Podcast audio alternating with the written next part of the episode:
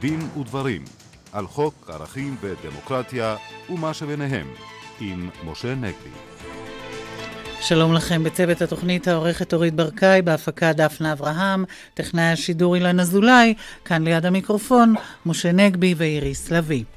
האם הדמוקרטיה בעולם בנסיגה, והאם אכן מנהיג העולם הדמוקרטי מפגין חולשה אל מול משטרי העריצות ברוסיה, בסוריה ובאיראן? נשוחח על כך ועל המסקנה הישראלית המתחייבת עם אורחנו באולפן חתן פרס ישראל למדע המדינה, הפרופסור שלמה אבינרי, שהיה גם מנכ"ל משרד החוץ. נשאל אותו גם על התקינות הממשלתית שבהממשלית, שבביקורת שמשמיעים שרים וסגניהם על המשא ומתן עם הפלסטינים, ועל התקינות החוקתית שבהתערבות התערבות בג"ץ בחקיקה בכנסת. באולפנינו הפרופסור סילביה פוגל ביג'אווי מהמסלול האקדמי במכללה למינהל, מחברת הספר דמוקרטיה ופמיניזם, מגדר, אזרחות וזכויות אדם. נדבר איתה על חשיבות הייצוג הנשי בפוליטיקה בכלל ובבחירות לרשויות המקומיות בפרט. מתי מי שקונה דירה מאדם שאיננו בעליה יקבל בכל זאת את הדירה? על הסיוט הזה של כל האזרחים נדבר עם אורחנו המומחה לדיני נדל"ן, עורך הדין מוטי בניאן, הוא יספר על תקדים המחזק את ההגנה על קונה כזה. אבל נפתח אה, דווקא ביום הולדת משפטי. משה. כן, אה, מסיבת היום ההולדת תתקיים מחר אה, ביד בן צבי בכנס של האגודה הישראלית להיסטוריה ומשפט, וזהו בעצם יום הולדת 60 לבג"ץ הידוע בפרשת כל העם. לכנס הזה גם הוזמנה מומחית מן השורה הראשונה בעולם לנושא חופש הביטוי והעיתונות.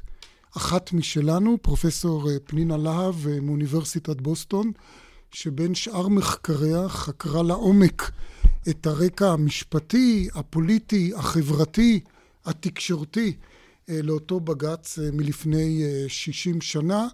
היא בעצם זו שגילתה כיצד שלושה שופטים די צעירים בשעתו, השופטים אגרנט, זוסמן ולנדאו, אה, שלימים היו שלושתם לנשיאים של בית המשפט העליון. באוקטובר 1953 אה, אה, נתנו את אותה החלטה שבראה, אפשר לומר, את חופש העיתונות, וכפי שמיד נראה, את זכויות האדם יש מאין בדמוקרטיה הישראלית. עכשיו, יכול להיות שחלק מהמאזינים, איריס, שואלים את עצמם, מה פתאום אני פותח תוכנית של אקטואליה משפטית בציון אירוע מלפני 60 שנה. אני חושב שהבג"ץ של כל העם הוא בג"ץ אקטואלי ביותר. אנחנו היום שוב מתלהט הוויכוח, וכבר הזכרת את זה, נדבר על זה עוד מעט עם אורחנו הנכבד אה, פרופסור אבינרי, האם זה לגיטימי שבית המשפט יפסול חוקים בגלל שבעיניו אה, הם לא דמוקרטיים? בג"ץ כל העם היה בעצם הבג"ץ הראשון שקבע שהשלטון במדינת ישראל חייב לכבד את זכויות האדם, גם אם החוק אה, מאפשר לו שלא לכבד אותם. בניגוד לחוק אפשר לומר, החוק אמר שהשלטון רשאי אה, לסגור עיתון, אם לדעת השלטון משהו שמתפרסם בו עלול לעורר בהלה וייאוש, לפגוע בסדר הציבורי. בית המשפט בא ואמר, סליחה, במדינה דמוקרטית שיקול דעת מוחלט כזה לא יכול לעמוד וסייג מאוד את הסמכות הזאת וביטל את ההחלטה אה, לסגור את העיתון. אבל בית המשפט עשה יותר מזה. בית המשפט בא ואמר, וצריך לזכור, היום מתווכחים על אותו פסק דין בנושא ביטול חוק המסתננים, שתכף נתייחס אליו, של אה, שבעת שופטי בג"ץ אה, אה, פה אחד. צריך, בבג"ץ הזה של חוק המסתננים, לפחות בג"ץ פעל על סמך אה, חוק יסוד. ב-1953 לא היה שום חוק יסוד ושום חוק רגיל שהבטיח את חופש העיתונות, את חופש הביטוי, איזושהי זכות אדם. על מה הסתמך בית המשפט? על מגילת העצמאות. ובית המשפט אמר, אם אתם לא תכבדו את זכויות האדם, אתם תסכלו את כוונת אה, מגילת העצמאות, שרצתה שמדינת ישראל תהיה מדינה שוחרת חופש. עכשיו, מה שמעניין, ואני חושב שזה גם אקטואלי, פרופסור פנינה להב, שכמו שאמרתי, אה, תהיה כוכבת היום הולדת אה, מחר, היא בדקה ומצאה שהבג"ץ הזה ניתן חודשים ספורים לאחר שעבר בחוק, בכנסת, החוק שלראשונה קבע שלא הממשלה היא זו שתמנה את השופטים לבית המשפט העליון. עד 1953 הממשלה קבעה מי יהיה בבית המשפט העליון. ב-53 עבר החוק שהקים את אותה ועדת מינויים שאנחנו מכירים היום, ופרופסור פנינה להב בדקה ומצא שהיה קשר הדוק בין העובדה ששופטים ידעו שמורא הדרג הפוליטי כבר לא נמצא עליהם, והדרג הפוליטי לא יכול להתערב בהרכב אה, בית המשפט, לבין היכולת שלהם להוציא פסק דין אה, פורץ דרך כזה, ואני חושב שיש פה לקח לגבי הניסיונות היום לשנות את שיטת מינוי השופטים וכולי. פרופסור שלמה אבינרי, אני מיד ארצה את התייחסותך גם כמי שהוציא בזמנו נייר עמדה על בעיית ההגירה והמסתננים אה, וכולי במרכז מצילה, הוצאת נייר עמדה יחד עם פרופסור אמנון רובינשטיין, אה, למקרה הספציפי של פסילת חוק ההסתננות, אבל אולי תרצה גם אתה להגיד כמה מילים על המורשת של בג"ץ כל העם. נכון, מור... אה, כדאי לזכור, מדובר היה בניסיון של הממשלה בראשותו של בן גוריון לסגור את העיתון הקומוניסטי כל העם. צריך לזכור, זה היה בתקופה שהמפלגה הקומוניסטית וכל העם היו במ"ט שערי סטליניזם. בעצו, הם ביטאו את הדבר שהרוב המכריע של הציבור בארץ סלד ממנו, יחד עם זאת, וזה כדאי לזכור, מתברר שמול בן גוריון, שלא היה כל יכול, בית המשפט העליון אמר את דברו ובן גוריון התקפל. כלומר יש על המיתוסים על שלטונו של בן גוריון, הוא היה מאוד מאוד מוגבל, הוא היה מוגבל על ידי קואליציות וגם מוגבל על ידי בית משפט עליון. וצריך גם לזכור, יש גם מיתוס שהייתה מהפכה חוקתית בישראל, ולפני כן לא היה כאן בג"ץ. מתברר שבלי מהפכה חוקתית, אה, שופטי בית משפט עליון שהבינו שניסיון לסגור עיתון, אפילו שהוא מבטא את הדבר שהרוב הגדול של הציבור רואה בו משהו מאוס ואפילו על גבול בגידה, כדאי לזכור, זה בסיס תקופת סטלין, חופש הביטוי הוא אחד מהיסודות של מדינה דמוקרטית, לא צריך בשביל זה חוקי יסוד, לא צריך בשביל זה מהפכה חוקתית, ולפני שהייתה המהפכה החוקתית, בג"ץ ידע לומר את דברו בעניינים כל כך מרכזיים בנושא הזה, וזה לזכותו של בג"ץ. אני אפילו אלך צעד נוסף, פרופסור אבינרי, לדעתי האישית, ואני כמובן אומר שוב פעם את דעתי האישית, בג"ץ לפני 60 שנה היה הרבה יותר אמיץ מהבחינה הזאת מהבג"ץ היום.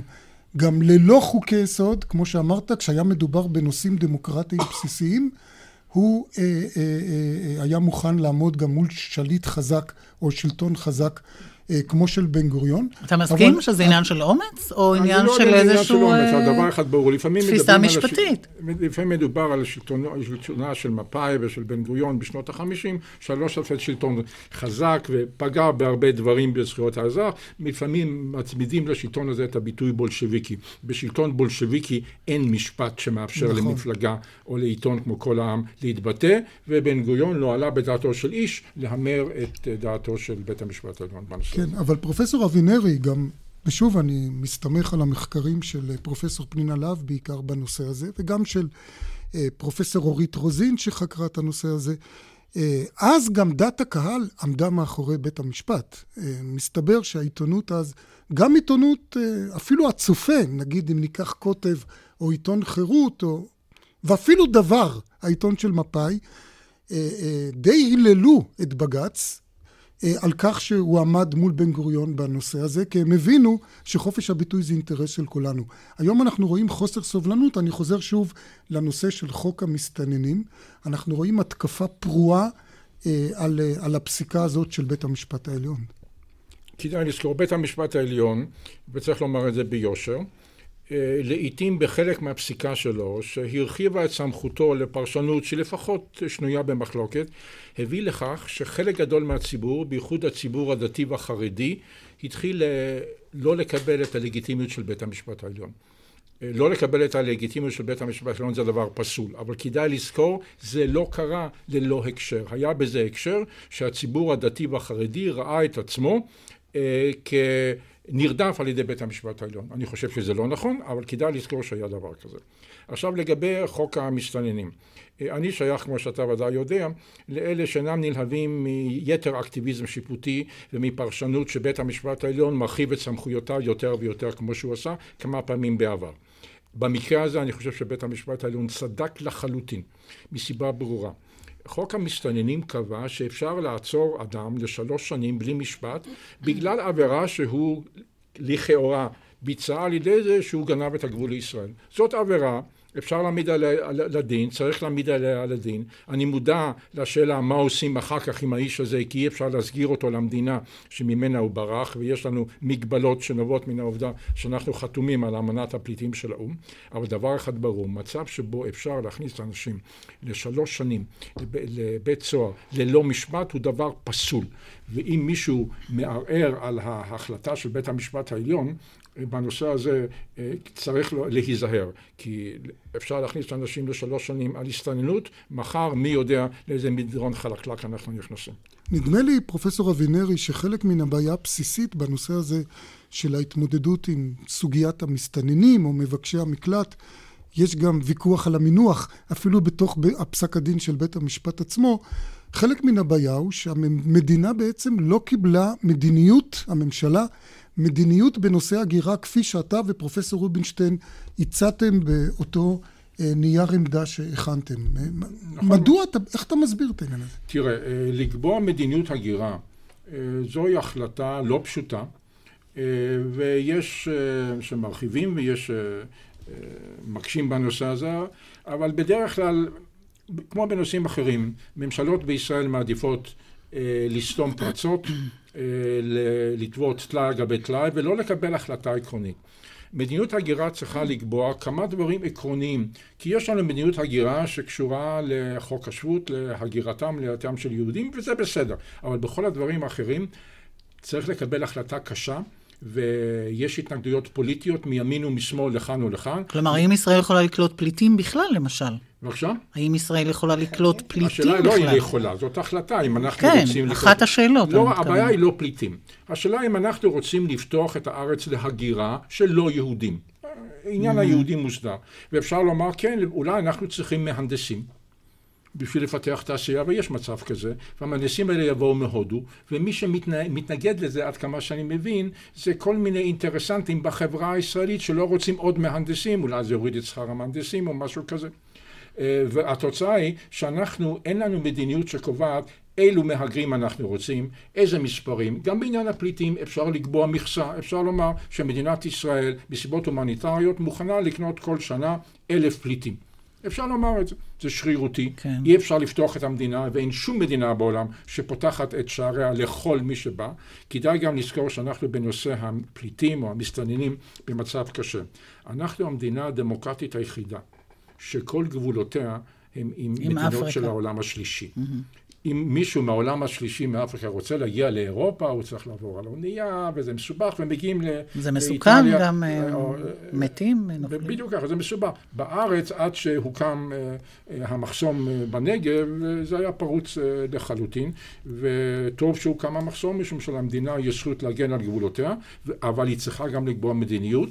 אנחנו הצענו, אמנון רובינשטיין, רות גבינסון אה, ועוד כמה אנשים, הצענו הצעה בנושא הזה, והצענו מדיניות עם כמה אופציות. הממשלה התחמקה מלקבוע ורק התייחסה לכמה דברים, למשל נישואי אזרחים ישראלים לנשים פלסטיניות וכיוצא בזה, אה, שזה דבר אה, לוחץ ויש לו היבטים ביטחוניים, לא מתמודדים עם העניין העקרוני ולכן מקבלים את התוצאות החמורות האלה שאף אחד לא רצה אותם, אף אחד לא תכנן אותם וזה נון גדול וחוסר אה, אומץ לב של ממשלה שלא מוכנה להתמודד עם בעיה קשה וצריכים לקבל החלטות שהן קשות וצריך להילחם עליהן.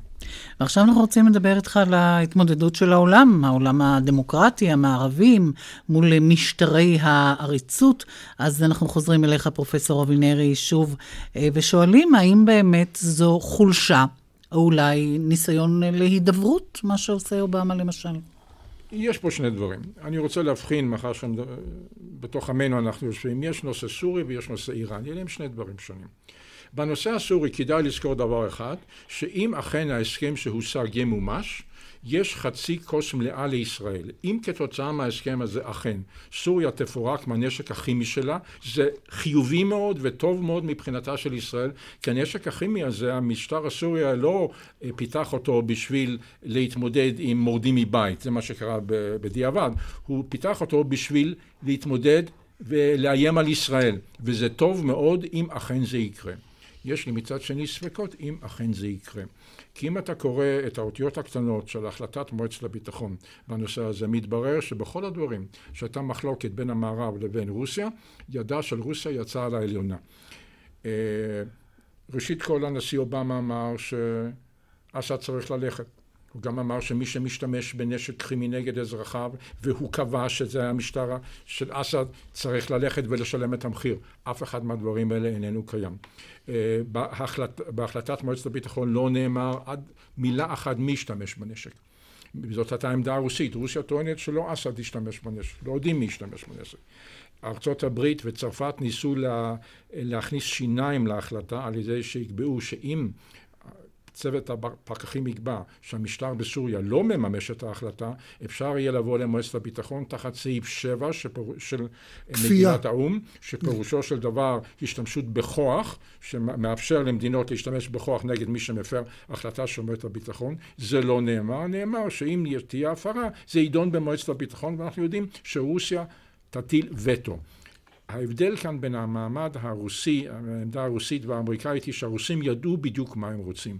רוסיה מעוניינת לשמור על משטרו של אסד, כי זה בן הברית היחיד שנותר לרוסיה עוד מתקופת ברית המועצות במזרח התיכון. מצד שני, רוסיה גם חוששת מקנאים מוסלמים, לא רק בסוריה, אלא גם בתחומה שלה, ואפשר להבין את הדבר הזה. כן. אבל העמדה הרוסית היא ברורה.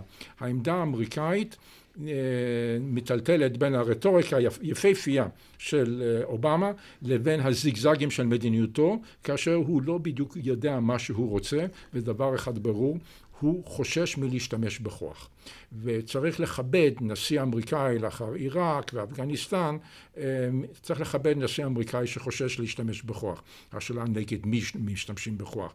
להשתמש בכוח נגד מי שמשתמש בנשק כימי נגד אזרחיו ורוצח בהם והורג בהם עשרות אלפים אם לא יותר, חוסר נכונות לעמוד מולו זוהי חולשה.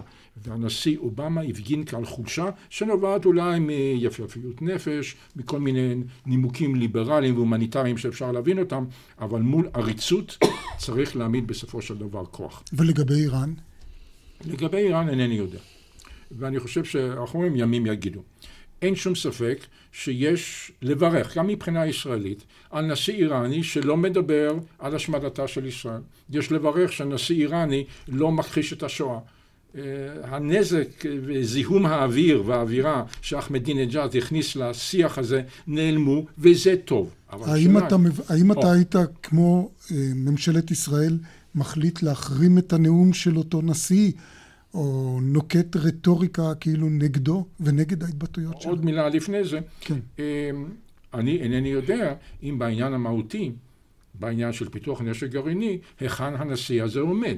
ונדמה לי שצריך לבדוק את זה בשבע עיניים ובפינצטה. יכול מאוד להיות שהדברים הנעימים האלה, שהזיקו אגב לאיראן, רק מחפים על אותה נחישות להמשיך לפתח נשק גרעיני. זה דבר מדוע שצריך... הם הזיקו אגב אה, בינתיים? למה הם הזיקו? אה, דברים של הקודם. בוודאי. של אחמדינג'אד. אחמדינג'אד, כן. ברור. הרי אחמדינג'אד היה אחד האנשים השנואים ביותר בעולם, בגלל מה שהוא אמר על השמדת ישראל, בגלל מה שהוא אמר mm-hmm. על uh, הכחשת השואה, והנה בחיוכים רוחני מצליח ליצור אווירה אחרת. האם מאחורי זה יש שינוי במדיניות? אינני יודע, אני לא מומחה לנושא הזה, צריך לבדוק. דבר אחד ברור בתשובה לשאלה שלך, החרמה היא נשק לא טוב. תמיד מי שמחרים הוא משדר חולשה.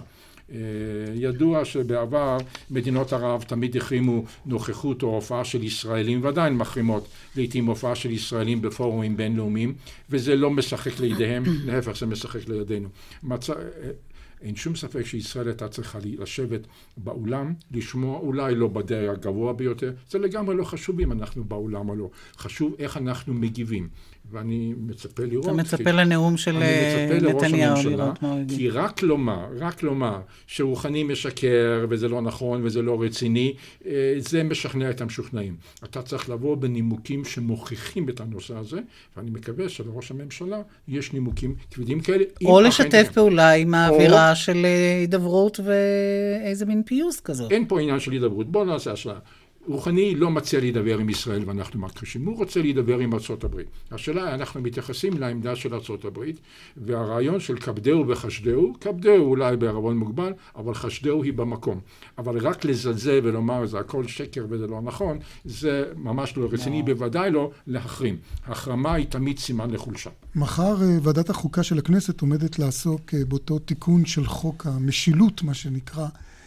אה, העלאת אחוז חסימה ודברים אחרים. ואני רוצה להעלות פה נקודה אחרת שנראית לי פגם במשילות, וזו התופעה של שרים וסגני שרים שמותחים ביקורת פומבית על ראש הממשלה. אגב, השר לפיד, על, על כך שראש הממשלה החרים, נתן הוראה להחרים את הנאום של רוחני, מה שדיברנו כרגע. אה, שרים וסגני שרים מהליכוד יצאו נגד אה, המשא ומתן עם הפלסטינים. זה נראה לך תקין אה, מבחינה... מאוד לא תקין, מאוד לא תקין. אני חושב שיש שרים בממשלה הזאת, אולי גם סגני שרים, אבל יש שרים שעוד לא מבינים שהם לא עיתונאים. יאיר לפיד הוא שר בממשלה. אה, במקרה הזה אני אגב מסכים לדעתו, אבל זה לגמרי לא שייך. אני חושב שלא היה צריך להחרים. אה, אבל אם זו דעתך, ונודע לך שראש הממשלה נתן הוראה להחרים, ואני מבין שזה לא נידון בממשלה, אתה כשר בכיר בממשלה יכול לתבוע ישיבת ממשלה מיד, אפשר לעשות את זה טלפונית או בדרך אחרת, ולערער בפורום שאתה חבר בו. יאיר לפיד, אתה חבר בממשלה, אתה לא עיתונאי בידיעות אחרונות, כדאי לזכור את הדבר הזה. או בפייסבוק שלך. או בפייסבוק שלך. לא, לא כן. שולטים באמצעות פייסבוק, שולטים באמצעות הממשלה.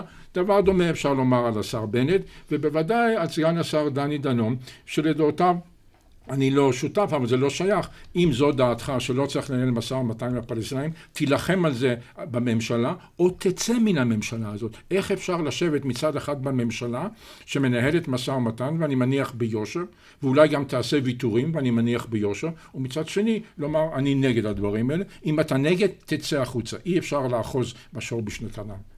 פרופסור אבינרי, תודה רבה לך. ואנחנו תודה. אה, נצא להפסקת פרסומת, עדכון חדשות, ונשוב כאן בדין ודברים, רשת ב'. אנחנו כאן בתוכנית דין ודברים, כאן ברשת ב' אה, של כל ישראל. לקראת הבחירות לרשויות המקומיות, שוב אה, עולה סוגיית הייצוג הנשי בפוליטיקה בכלל ובפוליטיקה העירונית בפרט. ואיתנו באולפן הפרופסור סילביה פוגל ביג'אווי, מחברת הספר דמוקרטיה ופמיניזם, מגדר, אזרחות וזכויות אדם. ערב טוב לך. ערב טוב. אז אולי קודם קצת נתונים על מה קורה בארץ אה, באמת מבחינת ייצוג הנשי בפוליטיקה? כן. אה, מבחינת ייצוג הנשים אה, בכנסת, למשל, יש קצת עלייה. אנחנו בערך ב-20 אחוז, אה, ובממוצע העולמי. אבל מבחינת ייצוג העשרות, אנחנו רחוק, רחוק מאוד מהממוצע העולמי, וזה כולל לא רק המערב, אני מדברת על הממוצע העולמי, ומבחינת הייצוג ברמה המקומית, אנחנו ממש ממש ממש רחוק. אה, יש לנו מספר אה, חברי כנסת, אה, סליחה, ראשי ערים, כרגע יש לנו אחד, אחת, אחת כן, נתניה. בנתניה. יש לנו בגבעתיים מישהי, שרצה, כן, מועמדת. לא, היא נמצאת. היא כבר נמצאת, כן. היא ממלאת מקום אוקיי. בעצם. יש לנו את פלורה שושן במצפה רמון, ויש לנו במועצה האזורית בני שמעון סיגל מורן. אה, זאת אומרת, יש פה בעיה מאוד מאוד אה, מרכזית. מספר הנשים שנבחרות במועצות אה, של העיריות הוא מאוד נמוך. בממוצע, בממוצע, בבחירות האחרונות זה היה קצת יותר מעשרה אחוז מהנבחרים. אה, בקרב היהודים היה 14 אחוז, שזה גם מעט מאוד, mm-hmm. ובקרב האנשים, בקרב הציבור הערבי, פחות okay, מאחוז אחד. אוקיי, עכשיו, את חוקרת את, ה, את המצב. איך את מסבירה את זה? במה? Uh, קודם כל, יש, אין לנו מחויבות uh, מצד המדינה, מצד החוק. של שריון. של שריון. Mm-hmm. ויש לנו מחויבות מסוימת, אה, גם יש כל מיני סוגים של שריון ושיטות של שריון, יש לנו מחויבות מסוימת, כן, כן, אבל זה לא חוק המדינה וזה לא חוק אה, חוקתי, נגיד, חוק יסוד, כמו שזה קיים במדינות שבהן באמת השריון פעל. נדמה לי שיש מדינות בסקנדינביה שקובעות ש-50 אחוז חייבות להיות... 50 אחוז זה צרפת, סליחה. אוקיי. צריכות להיות מה, בפרלמנט או, ב, כן. או גם במוניציפלי? חי- כן. כל רשימה אה, של מפלגה חייבת להציג 50 אחוז, אחרת היא נענשת, היא לא זוכה לתמיכה כספית או לשעות אה, שידור. עכשיו, יש כמובן מפלגות שמזלזלות וזה לא מעניין אותן, כי שעות שידור יש כבר אה, אה, אמצעי תקשורת אה, אחרים וכולי וכולי, אבל זה יצר נורמה. ומאז שנ- שנבחר, זאת אומרת שעבר החוק, אה, אחוז הנשים כל הזמן עולה, גם ברמה המקומית כן. וגם ברמה אבל הלאומית. חוץ מהשריון, במה את מסבירה את זה בשטח? השריון ב- הוא הדבר המרכזי. למה, למה זה חשוב בכלל אולי? למה חשוב שיהיו נשים... אה, כי יש 51 אחוזים אנחנו נשים, דיברנו מה על זה? זכויות אדם לפני זה, ורק... את אומרת אדם לרבות אישה. כן. אה, לקח לאנושות. נכון? עד שבכלל תרגמו את זכויות האדם אה, במושגים של זכויות האדם של הנשים, זה לקח המון שנים, זה רק משנות התשעים.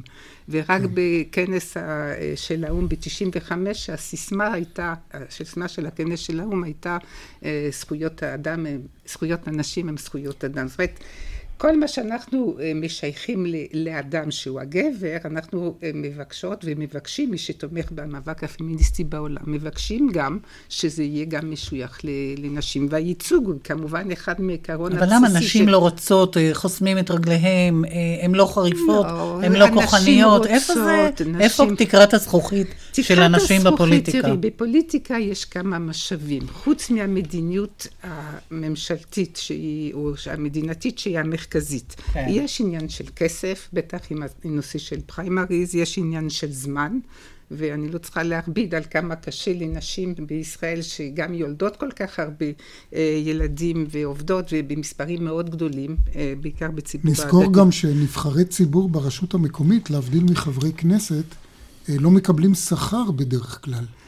ובזמנו דווקא גבר בעיריית תל אביב, ערן לב, שכבר לא רץ בבחירות האלה, אז לא יחשדו בנו בתעמולה, אה, סיפר לנו שזה אפילו לא כגבר, זה היה אה, מכשול ומחסום מלכהן אה, בשלטון המקומי, כי בכל זאת גם נשים היום ממלאות תפקיד חשוב בפרנסת המשפחה. ברור, ברור, אבל כל הדברים שהם המשאבים בת, אה, אה, בפוליטיקה, שזה זמן, כסף, אה, קשרים, תקשורת וכולי וכולי, חוץ מהמדיניות של השריון, כל הדברים האלה עדיין נמצאים הרבה פחות בידיהן של נשים, למרות שה... מועמדות שלהם, מספר המועמדות עולה כל הזמן. זאת אומרת, המחסומים, המחסומים הם, הם מבנים. קיימים בשטח ואני מבנים, רוצה כן. לציין שמספר המועמדות אה, גדל גם בקרב הנשים היהודיות, הנשים היהודיות החרדיות, וכמובן גם בקרב הנשים הערביות. ערביות. אה, פרופסור שלמה אבינרי, איך אתה רואה את הסוגיה הזאת, והאם גם אתה היית תומך בצעדי שריון יותר אה, מטעם המדינה או מטעם החוק? למשל, יש היום הצעה שמימון המפלגות למפלגה שיש בה אה, שריון לנשים יהיה גבוה ב-50% מהמימון הכללי וכולי. ראשית כל העניין שיש תת ייצוג של נשים ברמה המוניציפלית, גם ברמה הארצית, אבל ברמה המוניציפלית הוא באמת דבר מאוד חמור. אינני יודע אם שריון הוא הדרך הטובה ביותר, בלי להיכנס לפרטים. אה, אפשר לתת, אה, להעביר חוק של שריון, והוא יבטיח שנשים יהיו אמנם ברשימות, אבל ברשימות במקומות הנמוכים ולא ברשימות הגבוהים. כלומר, אני, הבעיה היא לא שריון, אלא הבעיה היא תרבות פוליטית. וכאן אני רוצה להעיר הערה אחת ושאלה. ראשית כל כדאי לזכור שברמה הלאומית, בבחירות האחרונות עמדו נשים בראש שלוש מפלגות. מפלגת העבודה, קדימה ומרץ. זוהי עובדה. יכול מאוד להיות... התנועה, לא קדימה. התנועה, סליחה, אני- אה, לי יש עוד נוסטלגיה, אז אני קורא לזה התנועה. אה, ויכול מאוד להיות שזה אפילו קצת הזיק לה- למפלגות שלי האלה. יחימוביץ', ציפי לבני, זהבה גלאון. נכון. כן. יכול להיות שזה הזיק למפלגות האלה בבחירות, אינני יודע. אבל עובדה ששלוש מפלגות, וזה לא מקרה של מפלגות מרכז-שמאל, היו בראשם נשים. ויש ציבורים שזה לא בא בחשבון בשבילם, זה ברור. לגבי, יש לי שאלה לגבי העניין המוניציפלי. אה, לא חקרתי ואת חקרת את הנושא, לכן אני מדבר מתוך התרשמות. האם זה יהיה נכון לומר שבשלוש הערים הגדולות, ירושלים, תל אביב, חיפה, מספר הנשים במועצות העירוניות הוא יחסית גבוה מאשר מספר הנשים במועצות עירוניות המקומיות בערים יותר קטנות. זה נכון או אני טועה? לא בהכרח. בבקשה? לא, לא בהכרח. לא אוקיי. בהכרח. עכשיו, אני בכל זאת רוצה לציין משהו. אתה דיברת על שלוש נשים שהן בראש אה, מפלגות אה, מרכז-שמאל. שלוש הנשים האלה הן שלוש נשים מהמעמד הבינוני, נשים אשכנזיות. זאת אומרת שרוב הציבור בישראל, גם ברמה אה, הארצית וגם ברמה המקומית, לא מיוצג. וזאת אחת כלומר, הבעיות... כלומר, יש כאן עניין עדתי גם וסוציו-אקונומי, את אומרת. סוציו-אקונומי מובהק. תרבותי, כמו שאמר פרופסור אני, אני לא כן, כל לא? כך הולכת זה שלב שני, כן. אני לא כל כך בטוחה שזה עניין תרבותי, כי אנחנו נמצאים היום, למשל, אני מסתכלת על מספר הנשים אה, שנמצאות בשוק העבודה היום בישראל. בקרב היהודיות אנחנו מגיעים, מגיעים היום לכמעט 66 אה, אחוז. יש עלייה מאוד מאוד מרשימה. ומפתיע מסיבות שונות של נשים אה, אה, ערביות ונשים מוסלמיות, והמחסום הוא לא הנשים והוא לא התרבות, הוא מה שהמדינה מאפשרת. כן, אבל... וחוסר כן. הייצוג, העובדה ששלושה ראשי אה, מפלגות הן כולן אה, אשכנזיות, מייצגות אה, סדר יום שהוא לא מייצג את ה... אז מה זה אומר? איך פותרים את זה? אבל מוטב נשים אשכנזיות בראש שלוש מפלגות מאשר רק גברים אשכנזיים. לא, אבל איך את מציעה לפתור את התת-ייצוג הזה? יש פה, זה, זה מה שקרה במדינות אחר, אחרות, שהצליחו, שהצליחו בשיטת השריון, יש כל מיני סוגים של שריון. וכדי שתהיה שרה אה, אה, של הגירה בצרפת, או שרה כזאת בארצות הברית או אחרת, שהיא תהיה בצבע כזה או במעמד... היית אומרת שצריך להיות שריון עדתי? עדתי גם, לא רק מגדרי? ברור. ברור. ברור, אנחנו נמצאים במצב אה, של אי שוויון כלכלי. זה בעצם סוג של העדפה מתקנת בפוליטיקה. ברור, ברור. אוקיי, חשוב להבהיר את זה. לך זה ברור, אולי לא לכל המאזינים והמאזינים. בקרן כן. של העניין הדתי עליה כדאי לזכור, וזה קורה בכל מדינות הגירה, שהכניסה לפוליטיקה של קבוצות מהגרים חדשות ויחסית ממעמד נמוך מתחילה בדרך כלל ברמה המקומית. ואם אנחנו בודקים את הרמה המוניציפלית בארץ, הרמה המוניציפלית בארץ היא עדות לכך כיצד חלק גדול מאוד מהמוביליות הפוליטית של בני עדות המזרח מתחיל דווקא ברמה המקומית. אתה בודק את ראשי העיריות, לא בשלוש הערים הגדולות, אבל בערים אחרות, את, את סגני ראשי העיריות, נכון. זה חל גם על הרוסים. אה, על העולים אה, מברית המועצות לשעבר. כלומר, אם אתה מסתכל על התהליך ומשווה למה שהיה לפני 20 או 30 שנה, התמונה היום אחרת לגמרי. על העולים, אבל לא על העולות. תראי, דיברנו על שריון, אבל אני חושב שאנחנו נמצאים עוד בשלב הרבה יותר מפגר. במובן הזה, סליחה על הביטוי, ש... או שלב נכשל אולי נגיד, מהבחינה הזאת, שיש לנו, אני חושב, דבר שלא קיים בשום מדינה דמוקרטית ולא יכול להיות קיים, לדעתי, בשום מדינה דמוקרטית, מפלגות, אני מתכוון למפלגות החרדיות, שמראש פוסלות אפריורי אה, שיהיו להם נציגים אה, נשים. ומונות את זה, ולזה התייחסתי כשדיברתי על מדיניות... היית מציעה לפסול מפלגות כאלה מלהתמודד? ברור. נדמה לי שהיו כבר עתירות. אה, אני בעד השאלה איך מרכיבים אחר כך ממשלה בישראל, אבל זה לא במחלקה שלנו כרגע. רק מילה אחרונה, אני לא... כל הסיפור של רב תרבותיות, שזה נעצר איפה שזכויות האדם של אנשים מטרילות, אני כמובן נגד. תודה רבה לך על הדברים האלה, פרופסור אה, סילביה פוגל ביג'אווי. ואנחנו רוצים עכשיו לעבור אל מה שכבר הגדרנו בהתחלת התוכנית, הסיוט הנורא של כל קונה דירה, לגלות שהדירה שהוא קנה בעצם לא הייתה שייכת למוכר. עורך הדין מוטי בניאן, איתנו מומחה לעסקאות נדל"ן, ובאחרונה אתה מספר לנו, התחזקה ההגנה המשפטית על קונה כזה. כן, אה, בואי ברשותך אה, לטובת המאזינים, נסביר מושג שנקרא תקנת שוק. אה, שזה מצב שבן אדם רוכש נכס, בין אם זה מקרקעין, בין אם זה מיטלטלין, ומסתבר שהוא קנה נכס גנוב. בן אדם קונה אגרטל מאיזושהי חנות שמוכרת אגרטלים, ומסתבר שהאגרטל הזה נגנב שבוע לפני זה מבעליו. Uh, בכל שיטות המשפט, uh, גם שיטות המשפט של פעם, מהתקופה הרומית וגם דרך המשפט העברי וגם כלה בהיום, אם קונה כזה מוכיח שקנה את הנכס הזה מבלי שהוא ידע שהנכס הזה גנוב ולא היה עליו שום סימנים, והוא גם קונה את זה ממוכר שדרכו למכור כאלה דברים. בן אדם נכנס לחנות של עתיקות וקונה אגרטל. אם הוא עומד בכל התנאים האלה, ורק בהת... בהתקיים כל התנאים האלה, הוא גובר על הבעלים האמיתי, אפילו שמוצאים את הבעלים האמיתי, והוא לא חייב להחזיר את הגרטל. באותו, באותה צורה יש לנו גם בענייני מקרקעין. מה קורה כשבן אדם קונה דירה, קונה נכס מקרקעין, ומסתבר שהמוכר שרשום כבעלים הוא לא הבעלים האמיתי, אלא הוא רימה את כל שלטונות המס וטאבו וכולי, ורשם את עצמו, מה, הוא השתלט על איזה דירה כן, ורשם כן, את עצמו בהחלט, בהחלט. כבעל הדירה. אנשים מתפלאים איך זה יכול להיות אה, ברגע שלוקחים מסמכים ומדווחים לשלטונות המס באופן פיקטיבי, שאני רכשתי את הדירה בשעה שהמוכר בכלל לא יודע שום דבר מכל העסקה הפיקטיבית הזו, אז הוא מעביר בטאבו ואף אחד לא יודע.